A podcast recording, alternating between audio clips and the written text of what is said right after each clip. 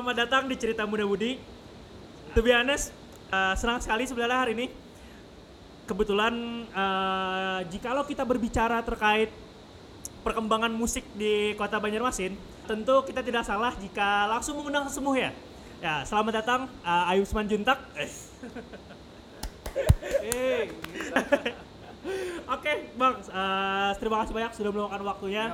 Uh, sebelumnya nih mungkin banyak yang di luar sana yang belum tahu uh, siapa sih sebenarnya Ayub Simanjuntak. Nah, mungkin bisa jelaskan lebih dulu nih, Bang. Apakah Bang Ayub sendiri sebenarnya dari kecil udah lahir di Banjarmasin, terus kuliahnya di mana dan uh, kalau nggak salah kan maksudnya memang bermula karirnya itu dari ngeband juga. Nah, gimana Bang? Mungkin bisa dijelaskan dulu terkait perjalanan hidupnya gitu loh. Wah, kalau perjalanan hidup mending dibikin novel aja sih. Asik. Eh, aku lahir di Banjarmasin tapi aslinya orang Batak. Horas. Horas. Sumatera Utara. Eh, eh, kuliah di Politeknik Negeri Banjarmasin di D3 Teknik Informatika. tapi lulusnya bingung juga mau ngapa-ngapain juga nggak bisa. Eh, jadi sekarang kesibukannya ngomong kesibukan kan tadi kan? Iya. Nah, kesibukannya sekarang kalau yang nyari duitnya ya eh, jadi marketing di salah satu media media konvensional di Banjarmasin. Terus eh, kalau band-bandan tuh dari dari SMA sih sudah band-bandan, cuman yang rada men- menjurus ke seri, agak seriusan nih bikin karya dan lain-lain tuh di tahun 2009. 2009. Pas udah iya pas hampir-hampir lulus lu hampir-hampir lulus sekolah. Asik. Waduh, ketakar Asik. Asik. tuanya siapa ya? Jadi 2009 udah lulus. tapi itu waktu temen-temen yang ngeband yang pada saat mau lulus sekolah itu sampai yang lanjut bikin band sama orang atau beda lagi? Eh, ada satu orang yang sama. Oh, ada yang cuman, sama. eh, yang dari kenalnya tapi udah dari dulu juga. Eh, cuman saat kalau di band sekarang kan namanya klien pagat itu cuma nambah satu personil aja sih Asik. Eh, dan ganti satu personil personil lain. Jadi yang bertiga emang dari awal emang udah itu orangnya. Tapi itu kelayangan pagat maksudnya itu kan seperti nama drama yang sempat viral kemarin layangan putus Iya, lah dalam bahasa Indonesia layangan Putus. putus. Tapi nah ke- maksudnya kelayangan pagat ada filosofis apa berarti di balik atau memang oh nggak ada gitu Iya. emang bagus aja kelayangan pagat gitu awalnya iseng pastinya awalnya iseng tapi pas ke sini ke sini ke sini pasti band-band yang lain kayak gitu juga tuh Hmm. oh namanya keren tapi abis ke sini ke sini dicariin deh filosofinya apaan kalau dulu sih karena ya tadi ta- ada temen dari lama itu si basis itu emang dari dulu temen dari kecil Hmm. yang kita kan kenalnya ya dari ma- masih main layang-layang masih main layang dulu ya. Nah, nah tadi maksudnya ada temen emang dari kecil tapi awal ketertarikan dengan musik sendiri apakah memang ya dari waktu TK misalkan udah main gitar gitu apa dari ketertarikan dari musik itu kapan gitu loh? Apakah ya memang tumbuh atau gimana? Memang latihan misalkan di Purwacaraka atau ada lesnya gitu atau gimana berarti itu? Enggak sih karena memang apa ya mungkin karena almarhum bapak dulu emang tiap sore itu karaoke. Asik. Jadi asik. Jadi tertarik bikin ya band-bandan. Mungkin itu sih. Asik. Asik. Bisa. sore. anjing. Kalau bapaknya berarti kalau nya tenar sekarang mungkin udah manggung di mana itu? Udah di panggung gitu ya? Iya. jadi pemandu karaoke pemandu karaoke. Asik. Berarti emang dari kecil emang sana. Tapi alat musik pertama berarti memang gitar atau gimana? Gitar gitar. Gitar. Asik. Gitar. Lagu pertama apa berarti? Peter Pan Peter Pan lagu pertama ya biasalah sosokan ngedeketin cewek pakai pakai lagu. Asik. Pakai mawar ada mawar itu ada mawar digigit. Ya. tapi emang maksudnya eh dari Bang Ayub sendiri maksudnya melihat musik ini yang memang digeluti dari kecil terus mulai tadi sekitar dari 2009 mulai dengan kelayangan pagat apakah memang ya kayaknya untuk seperti yang dibilang tadi ya untuk senang-senang sih. Atau memang bisa wah bisa nih jadi tur nasional gitu. Ada ada ada bayangan seperti apa waktu waktu ngebuat dulu apa memang pure senang-senang gitu? Ya menurut eh, aku pribadi sih karena main musik karena eh, menurut aku musik adalah medium paling tepat buat menyuarakan sesuatu kan. Apalagi eh, pas aku udah sudah di kelayangan bagat itu memang kita ngangkatnya tentang isu sosial, isu lingkungan dan lain-lain, isu politik juga pelan-pelan nanti diincar. Eh, lebih elegan aja sih menyampaikannya daripada kita harus keluar-keluar di sosial media atau bal- be- eh, lempar argumen di sosial media. Jadi emang menurut kita medium paling tepat eh, buat nyampein sesuatu tuh lewat musik.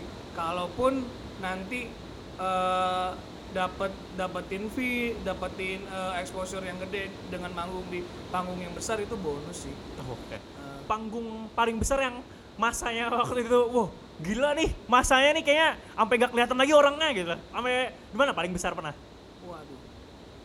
Tahun berapa ya? Sekarang kan nggak laku lagi nih bandnya nih. Wah masih laku lah, masih laku lah. 2012 kalau nggak salah di kayak jadi band pembukanya band pembukanya ada salah satu programnya sponsor rokok gitu eh, di daerah Murjani. Jalan Murjani. Asik, Murjani 2012 kayaknya. Asik. Ah, terus eh, tadi udah dibilangin juga maksudnya pada saat 2012 pernah ya jadi lumayan ngehits pada waktu itu. Tapi dari musiknya sendiri waktu dari ngeband itu eh, udah dapat apa aja nih? Maksudnya udah dapat apa aja selain misalkan fee ya, selain selain dapat fee misalkan kayak udah pernah keliling jalan-jalan ke tour gitu belum atau gimana? Atau ada rencana tour waktu dulu atau gimana? Kalau tour sih kemarin kita pernah tour sejauh ini tour Kalimantan aja, Kalimantan Selatan.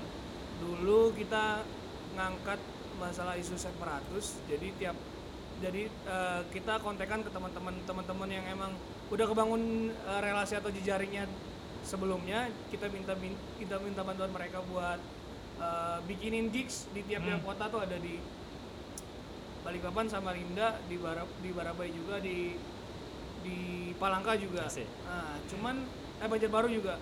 Nah, cuman rada, rada kemarin tuh enggak jadi ke Pontianak karena dulu dulu sempet sempet ada ternyata eh, pesawat yang direct dari Banjarmasin ke Pontianak sempet Ada. ada. Ah.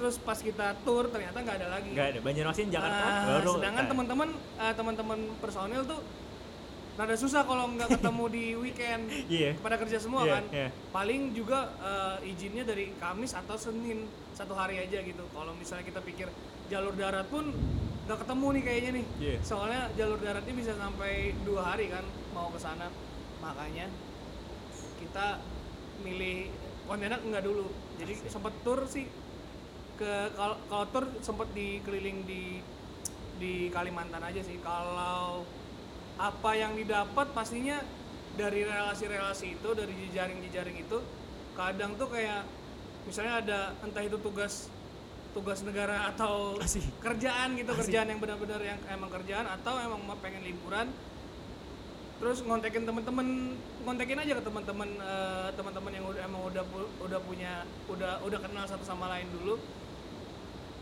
iya asiknya itu kak sering diajakin diajakin nongkrong kalau kalau ke kota mereka atau atau mungkin bisa juga nginep nih kalau low Nginep gratis ah, nih. jatuhnya Iya. kayak semi semi Ah, kayak semi camping. ah semi semi apa sih namanya backpackeran Backpacker. ah, backpackeran Traveler banget ini. ya.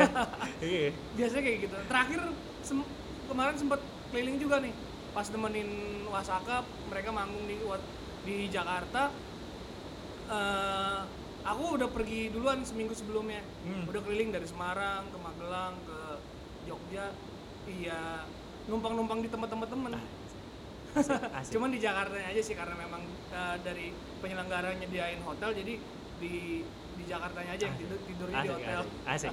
asik. Eh, BTW itu kemarin waktu Wasaka tampil di Flaus ya? Ah, di iya, Flaus. iya. Ah. Kayaknya kalaunya kayaknya Wasaka band pertama dari Banjarmasin yang kayaknya ke nasional kayaknya ke event festival kayak Wasaka ya? Atau kan sebelumnya setelah itu ada Muram Hmm. tampil di Synchronize, tapi kan kayaknya dari Wasaka dulu kayak tahun ini. Setelah Tahun itu ini, tahun tahun ini kayaknya baru tahun- iya kan ya? Itu mulai ya. Nah, tadi ada disinggung juga terkait eh, pada tahun 2012 pernah ada manggung. Nah, kalaunya saya pribadi maksudnya mengingat kita coba flashback ke tahun-tahun itu 2012 misalkan zaman-zaman itu ada banyak sekali ruang-ruang publik yang memang bisa digunakan untuk wadah-wadah kolektif maksudnya untuk tampil-tampil. Dan pada saat itu ya ada RRI misalnya RRI Banjarmasin terus ada TPRI biasanya tempat wadah-wadah konser. Terus banyak bermunculan pada sekitar tahun 2009 2010 yang muncul adalah band-band yang alternatif rock atau popang kayak semacam kacamata kaca, derinjing misalkan. Ya seperti seperti itulah maksudnya. Nah, eh, kalau saya pribadi maksudnya menganggap itu adalah suatu zaman keemasan lah. Kenapa jadi kenapa, kenapa jadi keemasan? Karena ya memang itu sebuah hal yang grassroots ibaratnya yang memang eh, menggerakkan massa pa- pada saat itu gitu loh. Nah, dari Bang Ayub sendiri maksudnya pada saat itu kan memang sebagai pelaku juga melihat itu adalah pelaku bagaimana sih eh, memandang ekosistem yang pada saat itu memang wah asik nih asik nih kayaknya tiap minggu tiap malam minggu kayaknya pasti ada di area ini kayak Ah. gigs di area itu Iya. pasti ada tiap malam minggu Ah. nah maksudnya dari bang Ayub melihat itu dari yang sisi orang dalam nih pelaku gimana tuh Iya pastinya seru sih. Kenapa? eh, pertanyaannya juga kenapa dulu tuh dianggap era keemasan? Mungkin karena dulu eh, anak muda tuh kayak, kayak kita aja cerita sama teman-teman tuh, wah aku aku kemarin ke gigs ini nih. Hmm. Karena dulu nggak ada kopi shop, nggak ada Bener. nggak ada eh, teman-teman anak muda tuh nggak ada dihadapin sama keseruan atau entertain entertain lain Ya. kayak dulu nggak nggak terlalu fotografi terus eh, backpackeran atau travelingan tuh nggak sebesar kayak sekarang kan Ya, benar. dulu ya orang kepa- terpatoknya sama gigs kalau kalau mau naikin satu sosial nih Hmm. ya udah lu harus ke gigs asik Ah, terus asik cerita sama teman-teman oh aku kemarin ini ini segala macem tapi kan kalau sekarang nih cukup ke coffee shop foto Hmm. foto tag coffee shopnya udah udah naik, udah naikin status sosial kan. Nah dulu tuh kumpulnya semua anak muda kayaknya dulu di gigs makanya akhirnya eh, gigs tuh kelihatan ramai bahkan kita sempat yang yang yang di sampai di off the record kemarin. Eh yang tadi kan eh, dulu aku pernah bikin FNR project juga. Bahkan sekelas gigs yang kecil aja itu bisa tembus sampai 800 orang 800 tiket gitu ya. Apalagi di di RRI kemarin juga. Jadi, padahal nggak ada band nasionalnya nggak ada nggak ada apa segala macam kita sampai waduh tuh uangnya bisa pesta pora. Pesta pora. Karena memang karena memang apa ya itu tadi eh, jam bi- dibilang keemasan karena secara secara eh, quantity yang nonton tuh yang support tuh banyak. Kalau sekarang sih masih sebenarnya eh, karena berkurangnya ruang-ruang itu malah teman-teman malah lebih semangat malah untuk bikin suatu suatu eh, lebih no- eh, lebih inisiatif dan eh, lebih tergerak lagi lah bikin bikin sesuatu yang emang nggak perlu ah, nggak perlu terus-terusan manggung nih harus bikin konten atau apa segala macem itu udah cukup Oke. jadi malah bisa eh, ke kekurangan itu malah bisa disiasatin sama Oke. teman-teman lain Oke. Nah tadi uh, ada disinggung juga maksudnya untuk anak sekarang ya mungkin karena ada alternatif pilihan itu tadi ya. Kalau Yap. misalnya dulu kita ya datang malam minggu ya ngapain nih? Kalau nggak Ah. punya pacar ya datang aja udah ke Ah. gigs lah gitu. Nah kalau sekarang kan ada pilihan-pilihan ada banyak ada pilihan. Terus tadi disebutkan juga keterbatasan malah jadi bikin semangat. Nah eh balikin menurut Bang Ayub melihat hal ini maksudnya kita pernah ada di era-era kemasan itu. Kira-kira untuk sekarang nih, kira-kira apakah hilal untuk keemasan tuh mulai terbit lagi nih hilal-hilalnya gitu loh. Kalau untuk balik lagi sih eh, belum bisa mengira-ngira sih sebenarnya. Cuman eh, karena bentuk supportnya sekarang udah udah udah bisa berbagai macam nih.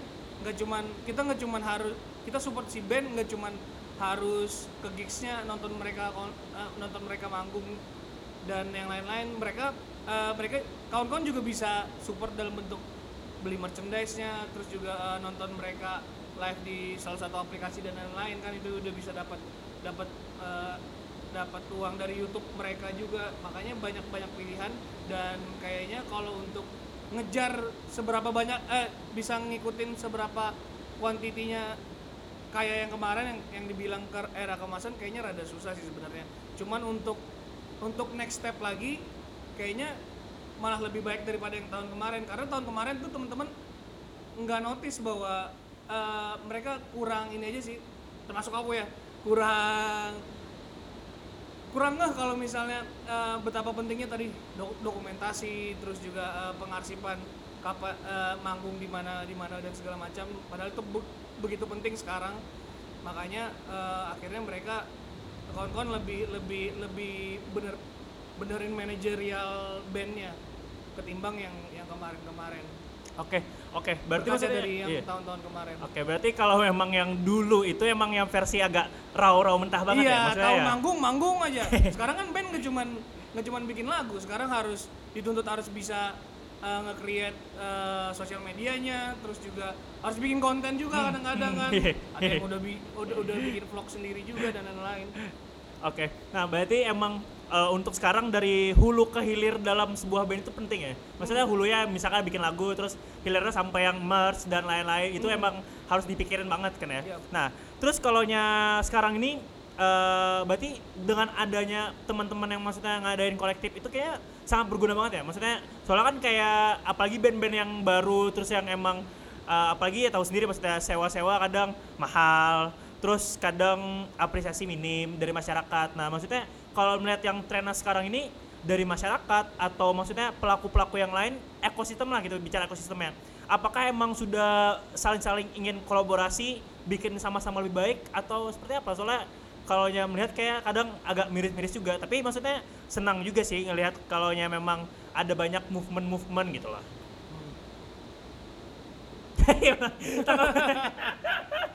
Jadi kayak ya pertanyaannya nah, maksudnya iya sekarang ya akhirnya kawan-kawan notice bahwa kalau lu pengen berkesenian tuh nggak harus nggak harus temenan sama movement itu itu aja. Misalnya lu pengen bermusik nggak cuman teman-teman yang ditemenin jangan cuman teman-teman di movement musik aja. Ha- harus berteman sama teman-teman visual artist sama teman-teman videographer sama teman-teman eh, fotografer juga. Karena yang yang ya kita tahu bahwa di Banjar mungkin karena salah satu eh salah satu eh, alasannya kenapa kita rada susah untuk dapetin yang tadi fee tadi. Hmm. ya karena memang daya beli kita juga UMR kita juga nggak sebesar di kota besar kan. Dan ya sa- salah satu juga ya karena memang kawan-kawan juga belum orang-orang yang punya duit di luar sana mungkin belum keedukasi masalah untuk yang hal yang berkesenian seberapa murah sih eh, harga sebuah seni di mata mereka? Nah ah, iya kita harus guyup sih sebenarnya. Eh, kawan-kawan itu yang kita rasakan dari 2018 eh, kita bangun satu kolektif yang mana pengennya tuh teman-teman bisa kolaborasi terus tuh. Ya udah kita kita jadi jembatan aja gitu. Bikin sesuatu yang bisa dikolaborasiin selanjutnya mereka aja udah yang yang yang inisiatif mau bikin apa habis itu mau bikin kayak gimana gimana. Kita kenalin ke satu sama lain aja itu aja sih yang selama ini kita pengenin bikin bikin project yang yang tahun-tahun belakang. Jadi Oke. kita ber- berasa sih sekarang teman-teman lebih inisiatif lagi buat kolaborasi. Oke, wah cakep sih.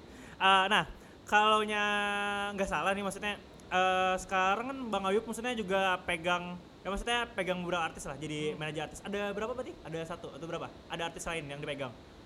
Ada banyak. Ada empat sih, Ada empat. Eh, lumayan ya. Lumayan banyak. Ya bisa dihitung lah itu. Kalau makanya bandnya nggak keurus band sendiri malah kacau orang. karena megang punya orang gitu. Eh. Nah, kalau dari Bang Ayu kan maksudnya megang beberapa artis ada empat gitu. Itu macam-macam genre berarti. Ada yang pop, ada yang macam-macam berarti. ah iya macam-macam dia Macam-macam. Nah, nah dari kacamata Bang Ayub nih maksudnya kalau nya melihat yang di sini nih dari yang megang artis terus yang emang sering lah berkecimpung. Nah, kayak dari kita di sini tuh kan kalau ya dulu kan tadi maksudnya kayak ada yang alternatif. Nah, terus sekarang kan emang trennya musiknya suka yang pop-pop nih dan emang ba- di Banjar sendiri emang mulai ini juga nih mulai naik kembali juga untuk yang pop-pop lah gitu. Nah, dari Bang Ayub maksudnya melihat eh, pergeseran ini apakah memang dari yang popang ini emang udah pasarnya beralih ke pop atau sekarang memang sama-sama semuanya bangun nih gitu loh.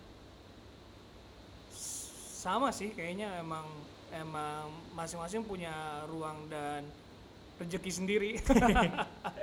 Eh, malah teman-teman yang eh, teman-teman yang biasa main top 40 atau regular malah bikin bikin band independen juga malah. Malah karena ya itu tadi eh, di satu sisi kalau kalau ikutin apa kemau ah, apa kemauan ya balik lagi tadi eh, ada ada contoh kita ambil perumpamaan hidup untuk bermusik atau atau bermusik untuk hidup. Nggak ada salahnya sih orang pengen uh, bermusik untuk hidup tapi kalau bermusik untuk hidup tuh kadang memang ada batasan-batasan tertentu gitu mereka lebih mikirin market nih kayak gimana nih? Asik. Itu kan? Nah. Kalau kalau uh, bermus apa hidup untuk bermusik iya kawan-kawan udah senang-senang aja dulu. Kalau dapat exposure dapat uh, fee atau segala macem itu bonus. Uh, tadi pertanyaannya apa? Yang mana? Yang Ya. persaingan antar yang belum- apakah udah nggak jadi beralih? persaingan sih malah malah nggak jadi persaingan eh, kata-kata yang minor label atau mayor label sekarang juga udah nggak ada lagi. Yang kita rasa nggak ada udah udah nggak ada lagi. Mereka udah punya semua punya kesempatan masing-masing sekarang. Tergantung tergantung kerja kerasnya aja lagi nih eh, kayak gimana. Bahkan eh, nggak ada lagi pengkotakan kayak oh lu manajer Hey. apa ma- mayor label. Kebetulan kebetulan aku juga di di apa di di manajemen label salah satu manajemen label di yang dua band tuh salah satu di manajemen label juga yang satu yang dua band lagi itu emang independen Hmm. jadi aku juga sambil belajar juga yang di manajemen label tuh kayak gimana yang di independen label juga kayak gimana dan dirasa emang masing-masing punya kesempatan yang sama sekarang nggak ada nggak ada yang harus gontok-gontokan yang gesek-gesekan Ya. paling cuma manajerialnya aja yang beda Hmm. Balik ke rezeki nggak- tadi ya? Banyak balik ke rezeki. Tapi maksudnya kalau kita bicara ya Banjarmasin lah gitu atau kota-kota yang bukan ibu kota gitu. Tapi Ah. apakah yang kita kita ini emang untuk hidup dari musik itu sebenarnya bisa atau enggak sebenarnya? Kalau eh, jadi band reguleran bisa sih. Bisa. Karena teman-teman ya waduh apalagi kan sekarang banyak banget klub ya.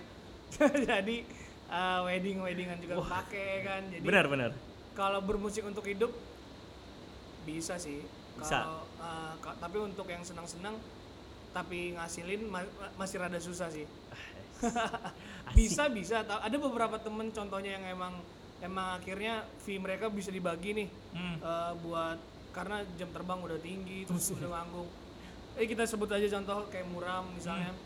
mereka juga udah mana- manajemennya udah bagus juga jadi eh, kru juga udah bisa dapetin Asik. yang layak terus teman-teman personelnya juga dapat da- dapat fee juga. Akhirnya eh, eko, apa bahkan ekosistem kecil di satu band tuh bisa bisa jalan. Tapi ya nggak bisa ngarepin itu sepenuhnya juga. Jadi tetap kerja dulu kerja kalau band tetap difokusin tapi sambil kerja aja sih asik asik Ah. emang itu tapi salah satu contoh yang emang manajer manajemennya udah bagus ya salah satunya muram Muram. Shout out to Muraut. Hmm. Wih. Nah, kita maksudnya tadi kan bicara bahwa saya ada eh, kesibukannya sekarang ada jadi bagian marketing juga salah satu media konvensional. Hmm. Terus ada sekarang ada megang ada manajer artis ada empat. Nah, wih banyak. Nah, sekarang nih pengen tahu juga nih. Eh, Bang Ayub ini kan emang terkenal udah cukup lama nih maksudnya emang menggeluti ini sampai pada akhirnya pada tahun kapan itu? 2017 atau 2018 untuk lahirnya bilik itu pertama kali?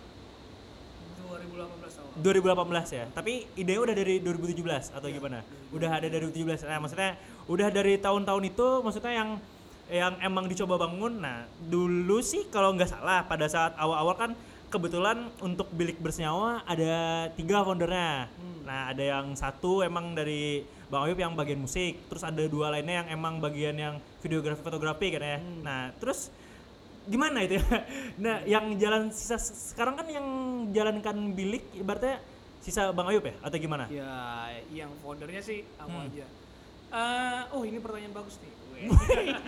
Makasih. Karena- karena banyak banyak banyak banyak banget di luar sana yang yang yang ngira ini bisa jadi klarifikasi nih. Banyak yang ngira bahwa bilik itu punyanya dulu. Eh boleh sebutin ya Eh, eh, eh. tit aja ya. Philip, Philip Morris. di uh, punyanya salah satu brand rokok yang besar itu tadi. Uh, padahal yang punyanya itu ya punyanya mereka ya brand ambassador itu aja tadi yang tiga orang tadi sebenarnya akhirnya dari tiga orang tadi dua orangnya menginisiasi buat bikin kolektifan Hmm. tapi karena memang proyeknya banyak jalan nama kolektifannya makanya dikira bilik punyanya si brand rokok tadi nah yang foundernya sebenarnya cuma ada dua sih Oh, yang dua. satu eh, yang satu karena ikut jadi brand ambassador dan ikut bantu-bantu bilik aja Oh, oke. jadi yang foundernya aku sama Fania Oh, Fania oke. sekarang di Jakarta jadi nggak bisa ruang geraknya udah nggak banyak lagi kan buat di bilik Oke. aku yang lanjutin Tapi kalaunya Bang Ayub berarti sekarang jabatannya di bilik apa ini? Pembina kah? Apa runner namanya? runner Kayak pembina apa jabatan? Maksudnya kalau kita bicara bilik ah, struktur ada kan ya? Struktur ada ya? Eh, secara secara formalitas atau tertulis nggak ada sih Enggak ada. Eh, Oke. tapi akhirnya kawan-kawan eh, bisa menempatkan diri masing-masing sesuai sama eh, hard skill mereka Asik. apaan. Kalau sekarang disebut apa ya asiknya? Disebut ini aja deh. Hah? Apa? Kiper jadi Kiper. Kiper eh. ya bener-bener bener-benerin kalau ada yang salah. De Gea sih, De Gea. Eh, paling iya kadang bisa jadi kreatif kreatif director juga terus juga bisa kalau ngadepin sponsor juga bisa jadi marketing juga itu sih SK. Eh kalaunya dihitung dari 2018 terus ud- sekarang udah mau 2023 ya mau jalan lima tahun nih. Ibaratnya bilik. Nah, eh, apa sih sebenarnya yang yang terus memacu dari Bang Ayub untuk kayak eh kita ini kita bina bilik ini supaya lebih besar lagi. Apa sebenarnya yang semangat apa yang muncul di dalam hati? Oh, ayo nih bilik gitu. Atau apa lagi yang yang membuat Bang Ayub bisa dibilang cukup konsisten lah, maksudnya membela me- membela lagi, membina bilik gitu lah dari awal sampai sekarang gitu lah. apa ya? Eh, mungkin karena karena hmm, bisa seneng aja. Awalnya memang dari awal memang seneng tem seneng nongkrong seneng temen apa berteman ke sana kemari kan akhirnya eh, biar nongkrongnya lebih berfaedah nih bikin apa nih ya udah dibilik aja gitu Eh, bikin apa Jadi nih? bisa, ah, jadi bisa lebih faedah lagi sih Oke. Eh, tapi ada satu dua yang nggak faedah juga sih To- Total berarti selama kurang lebih perjalanan biliknya udah hampir lima tahun, kayaknya berarti eh, ranah cakupannya apa tuh berarti? Kebanyakan konser ya atau gimana? G- eh, Gigs iya event event kebanyakan off air sih Off air. kalau konten kita kan eh, malah baru baru baru bikin kontennya di pandemi awal Hmm, pandemi hmm. kan Oke, Eh, oke. Berapa udah total 100 gigs ada? Nah, Kebanyakan terus ya? kita nggak pernah ngitung Ngitung sih, sih. tapi ada ad- ada yang seru nih. Pas kemarin ada kayak ada project duta-dutaan gitu ya, ada duta-dutaan gitu yang yang yang bikin bikin risetnya ke kita, bikin Hmm. risetnya ke kita, Eh, nanya-nanya apa segala macam. Pas eh, ngobrol ternyata pak eh, dia ngitung-ngitungin dari dia udah ngitung-ngitungin duluan Asik, eventnya. riset, anak riset Ah, nih. udah udah udah dicatat juga nama-namanya 2021 awal tuh total eventnya tuh udah 104 kalau nggak salah Asik. yang off air yang off Ah, air ah. nggak tahu kalau sekarang Oke, maksudnya Nggak- nyangka juga ternyata udah tembus gitu eh, ya untuk perjalanan yang lumayan panjang hampir lima tahun kayaknya angka yang bagus gitu. Ah, soalnya dia bikin Eh. dia akhirnya bikin ini juga kan bikin apa namanya data buat Hmm, hmm. buat project yang tadi duta bahasa apa ya kalau nggak salah duta bahasa ya cukup cukup menjual kalau ada sponsor. Kami udah pernah Iya mengadakan segini sih pak, ya, kan Iya sih, cukup kita- menjual. ya. kita kurang marketing aja sih sebenarnya cukup penjual nih. Nah, tapi maksudnya dari banyak eventnya kan tadi maksudnya udah di klarifikasi juga nih ternyata bahwasanya uh, ada yang ngira bahwasanya bilik ini ada afiliasi dengan rokok tersebut lah. Nah, Hmm. kalau kita bicara industri secara keseluruhan yang ada di Banjarmasin atau di Kalsel tentu konser-konser yang ada ini biasanya tidak terlepas dari yang namanya brand rokok biasanya. Nah, maksudnya apakah untuk kita yang di Banjarmasin, Kalsel dan sekitarnya ini apakah memang sebergantung itu dengan pihak rokok-rokok ini dalam mengadakan suatu event? Karena ya ya apa sih sebenarnya yang bisa mereka tawarkan sehingga kita itu emang wah rokok nih kayaknya emang paling the best udah buat masuk di konser gitu loh. Apa sebenarnya? Kenapa jadi kita kecenderungannya selalu ke sana gitu loh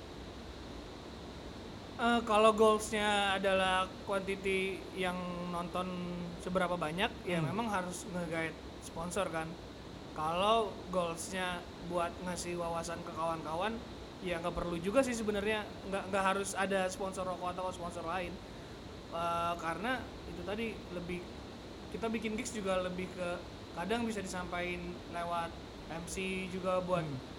gimana sih eh, biar biar bisa handle merawat sa- merawat band atau eh, ngejaga buat skena ini bisa tetap jalan. Ah sih skena. Eh, kalau di- dibilang kenapa harus ngegait rokok ya karena itu tadi tergantung goalsnya tadi. Kalau memang goalsnya buat seberapa banyak orang yang pengen di di grab ya memang harus ke sponsor. Karena memang sponsor kan bisa bisa nge-up budget-budget produksi kan. Oke. Eh, dan ngundang band-band nasional. Ah sih. Memang perlu sih sebenarnya memang perlu juga eh, kadang tuh memang perlu kita perlu berkaca sama yang event-event yang digarap sama IO atau yang dengan brand brand, rokok atau brand lainnya. Karena dari situ bisa bisa belajar bisa belajar banyak. Eh, apakah tidak dapat dibungkiri bahwasanya perusahaan rokok ini mempunyai funding atau andil yang besar dalam sebuah konser? ya bisa bilang kayak gitu karena bahkan band-band nasional pun bisa go internasional kan banyak dari project-project mereka Oke, oke, mantap. Memang terima kasih Philip Morris. makasih rokok terima kasih Roko. Terima kasih sudah ada konser. Eh.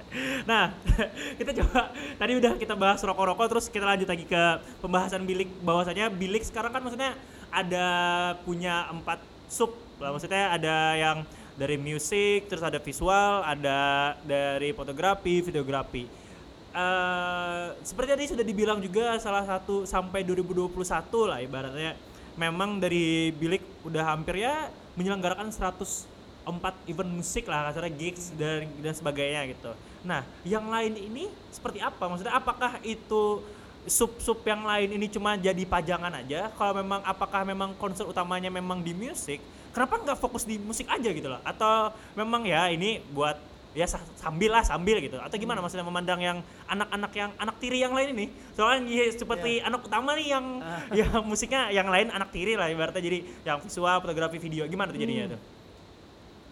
Sebenarnya kita juga nggak ini sih nggak pe- pengen juga sebenarnya pengen pengen oh lebih condong ke musik aja nih lebih condong ke sub yang mana-mana. Tapi karena memang dirasa di Banjarmasin eh, sub paling saat itu juga pas yang yang eh, jalan bareng sponsor juga dulu emang sub yang paling banyak menggrab orang-orang untuk datang ya musik kan.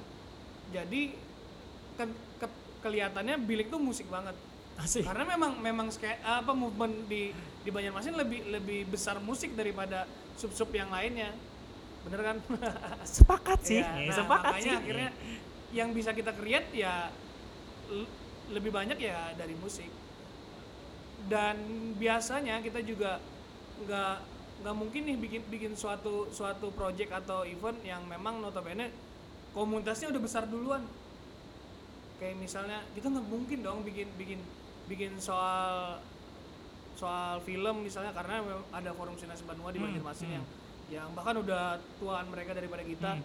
terus uh, kita nggak nggak mungkin bikin bikin fotografi tentang permodelan karena Hmm. memang ada abang-abangan ini meh udah nih lebih sustain mereka lebih karena lebih mereka aman. karena mereka Hmm, emang emang paling kalau memang dari mereka pengen collab, collab atau minta bantuan dari kita kita sangat open Hmm. tapi kalau emang kita yang bikin nih kayak misalnya mungkin yang kita paling dekat nih sama teman-teman stand up komedian kita nggak mungkin bikin open mic lah kalau kalau kalau mereka udah besar duluan dan udah udah bisa udah mandiri udah bisa bikin event sendiri gitu sih Oke. Ya, kalau di, di musik itu karena terlalu universal universal dan nggak ada komunitasnya ya kita lebih gampang buat bikin gigs Oke, Gitu oke. Oke. Jangan lupa saksikan Mahalogio. Sih? Asik. Ada adlibs, ada adlibs. Ya, ya. Mahalogio. Ada adlibs Mahalogio, Mahalogio. Nah, nah, jadi hampir kada ingat Mahalogio. Nah, kita Jangan coki lawan Tretan aja payu udah soalnya bujur, bujur Sugi MLI. Sugi MLI. Nah, kita balik maksudnya nih kalau tadi kan kita udah ada bicara terkait fotografi video, terus kita balik lagi ke perjalanan dan perkembangan bilik sendiri. Kalaunya ada perbedaan yang cukup kentara maksudnya antara sebelum pandemi, sudah pandemi. Kalau dilihat di sebelum pandemi kan maksudnya dari bilik emang lagi wah kayak tiap minggu ada rilis video nih maksudnya ada semangat lah maksudnya bikin konten dan segala macam. Tapi kok ada penurunan maksudnya setelah pandemi? Nah ada pada sebelum pandemi kan ada lokal musik vokal itu sebenarnya bagus tuh kita ngangkat yang seniman-seniman sinias-sinias yang di sini untuk diangkat kisahnya dan seperti apa. Nah tapi setelah pandemi kok maksudnya ada penurunan dari kuantitas. Maksudnya nah te- terkait hal itu kira-kira uh, apakah dari bilik sendiri sedang melakukan penyesuaian adaptasi karena setelah pandemi atau memang ya udah kayaknya males ah ngerjain konten gitu males ah gitu. A- gimana ya? Atau gimana nih maksudnya? Aduh gimana ya? Karena karena sibuk nyari duit sih masing-masing kayaknya. Enggak juga sih karena karena ini kasih. tapi by the way untuk yang yang konten-konten kita malah yang kayak lokal musik vokal tuh lahirnya malah dari dari ini dari dari pandemi pas awal-awal pandemi, awal pandemi. Nah, awal-awal pandemi yang kita nggak bisa ngapa-ngapain sama sekali kan. Akhirnya kita fokus bikin konten.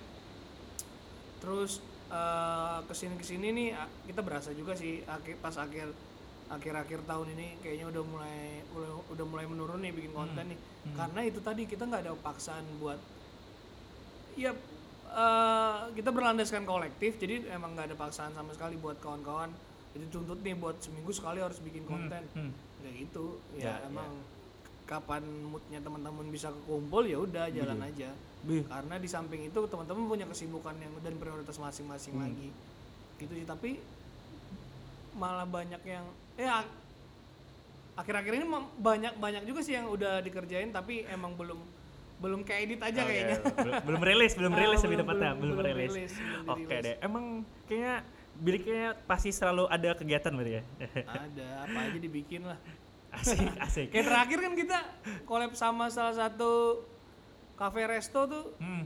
eh, bikin apa ngundang mixologi ya namanya mixologer Bar mixologi ya, itu yang kemarin bar ya. mixologi itu yang mana ya beliau datang dari dari Surabaya ya eh, nge- eh, workshop bikin eh, teknik bikin itu tadi apa sih namanya bikin mocktail bikin mocktail padahal tuh bukan ranah kita banget kan Oke. tapi karena ada duitnya kenapa enggak Oke, terima kasih banyak. Jadi cukup sekian. ya balik lagi sih sebenarnya ya kita hidup memang realistis sebenarnya. Ya kalau memang ada duit ada ada duitnya kita mencium oh ada ada duit nih lumayan nih ya ya Ya. udah gitu. Nah, jadi realistis lah realistis. serunya kita tuh jadi kita ada punya eh, ya bisa dibilang kreatif agency lagi nih namanya masih Fox kan itu adalah project komersilnya teman teman-teman bilik jadi ketika eh, bilik dapat project yang nggak bisa nih kayaknya dijalanin sama sama eh, di konten di bilik nih kayak misalnya kita sekarang eh, kemarin ada ngehandle butik ya terus ada ngehandle. Sekarang juga ada ngehandle ngehandle klub beberapa klub untuk dokumentasinya. Itu nggak bisa kan digabungin sama sama sama bilik. Makanya biar nggak informasinya nggak ke sana kemari ya udah kita bikin bikin baru lagi dengan dengan nama lain lagi namanya masih Fox. Yang mana teman-teman tem- teman-teman yang ngerjain di kreatif agency itu juga teman-teman isinya teman-teman bilik semua dan uh, win-win solutionnya adalah ketika kita dapat project dari Masih Fox dan teman-teman bilik yang ngerjain kita dapat persenan dari eh, bilik bersenyawa sendiri dapat persenan nggak usah disebutin deh persenannya berapa Woi, bahaya. Ini malah bahaya. jadi bisnis. Bahaya. ah dapat persenan buat kas organisasi asik, asik, asik, asik. biar bisa balance aja sih Asik, asik. Teman-teman- seimbang biar bisa eh apa biar bisa makan dan melawan lah asik. Teman-teman bilik berarti emang monopoli pasar di sini berarti ya? wah Wah. wah tidak dong jangan Salah. Oh, misinformasi ternyata. Oke, jadi eh kalaunya tadi kita udah bilik tuh umurnya sekarang udah hampir lima tahun, terus ada banyak event yang dilaksanain. Kira-kira nih eh, untuk yang lima tahun yang akan datang dari perspektifnya Bang Ayub atau gambarannya, kira-kira bilik ini mau arahnya mau ke mana lagi nih? Apakah mau jadi WOIO misalkan? Gak ada yang tahu maksudnya. Ah, Kita pengen sih jadi WO. jadi Pengen ya? yang pembedanya adalah kita sudah nyediain nyediain, nyediain pasangannya aja. Hmm. Jadi orang yang nyewa kita udah tahu beres aja di, di pelaminan. nah, makanya di situ. Maksudnya Belum ada kan paketnya? lima tahun lagi jadinya dari bilik ini akan seperti apa gitu lah arahnya. Jadi apakah seperti akan menambah lini bisnis lainnya atau malah dari Bang Ayub sendiri akan mengundurkan diri karena dari dap, dari posisi kiper tadi karena sudah merasa oh bilik kayaknya kalau aku tinggalkan kau aja jalan sudah. Nah, Ah, apakah nah kayak apa jadinya? Ada kawin-kawin nih kalau ngurus miliknya. Nah, jadi di setelah lima tahun lagi kira-kira di bayangan Bang Ayub gimana sih untuk bilik ini? eh apa yuk? Berharapnya nggak muluk-muluk sih bisa sustain sampai sampai bertahun-tahun berikutnya.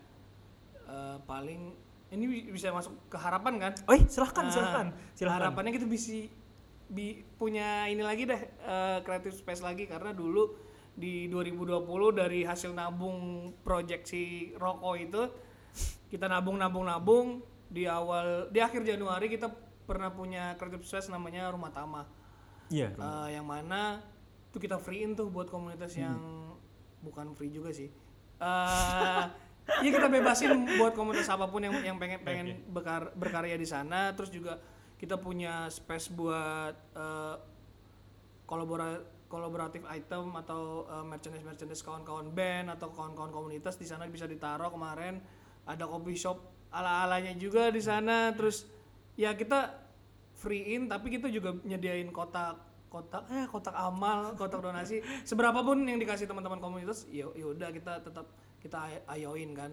Nah dari dari tabungan itu kita bikin creative space kemarin sempat berbenah tempatnya yang horor banget akhirnya udah lumayan ba udah jadi lumayan bagus. Pokoknya habisnya lumayan lah buat buat kalangan anak muda yang belum berkeluarga kayak kita. Ternyata pas Maret Maret pertengahan pandemi. Jadi emang nggak bisa ngapa-ngapain. Padahal tiap bulan eh tiap minggu tuh ada sampai 2 sampai tiga. Bahkan ada yang ada yang jalan di dalam tuh non, bar teman-teman kemarin tuh non bar apa ya per set kalau nggak salah sambil ngobrol ngobrol filmnya di, di luar itu ada karaokean sama live mural Hmm. jadi se sepadat itu padahal eh, trafficnya teman-teman komunitas bikin bikin bikin eh, kegiatan tapi ketampar sama pandemi juga. Nah kita pengen pengen punya creative space lagi sih Asik, sebenarnya. asik. Berarti lima tahun lagi ya pengen punya creative space tadi ya? Hmm, Untuk dari bilik berarti. Hmm. Asik. pengen Tapi punya studio juga ya kayak muda kreatif. sewa nih. sewa. sewa. Oke. Terima kasih banyak Bang Ayub sudah mau meluangkan Udah waktu. Udah, udah. Udah, udah, udah, udah selesai. Eh, terakhir mungkin closing kayaknya. Closing statementnya mungkin ada apa lagi untuk dari Bang Ayub? Apakah ada yang dipromosikan mungkin terkait bilik atau apa manajernya tadi yang artis-artis yang di bawahnya? Barangkali closing statement apakah pepatah-pepatah kehidupan yang mungkin bisa mencerahkan hati kita Aduh, semua? nggak ada di pertanyaan ini tahu kalau ada tadi udah disiapin harusnya. Biar kelihatan bijak ada perta- ada quotes-nya. Mungkin apakah ada? Eh, ya sekarang kan emang aku pribadi juga belajar belajar ini belajar buat dulu tuh wah yang dulu tuh malah yang sekarang waduh. Ah, kurang kurang maaf minta maaf. Eh, kalau yang dulu tuh lebih kesannya wah eh, bergaulnya di teman-teman grassroots aja kan di teman-teman yang bawah tanah Asik. lah. sekarang udah belajar gimana caranya eh, iya kompromi sama sama instansi-instansi. Terus juga sekarang alhamdulillah di, dijadiin salah satu talent manajernya di salah satu manajemen label juga jadi menurut aku sih wah masuk ke quotes nih Eh, ideal idealisme itu adalah cara kita berkompromi tanpa harus kehilangan jati diri itu sih Wow, gokil, gokil. Karena kalau terlalu idealis tidak makan. iya benar sekali Keren, Kita- keren. Wah, eh, terima kasih banyak sudah mendengarkan cerita Muda Budi. siap siap Assalamualaikum.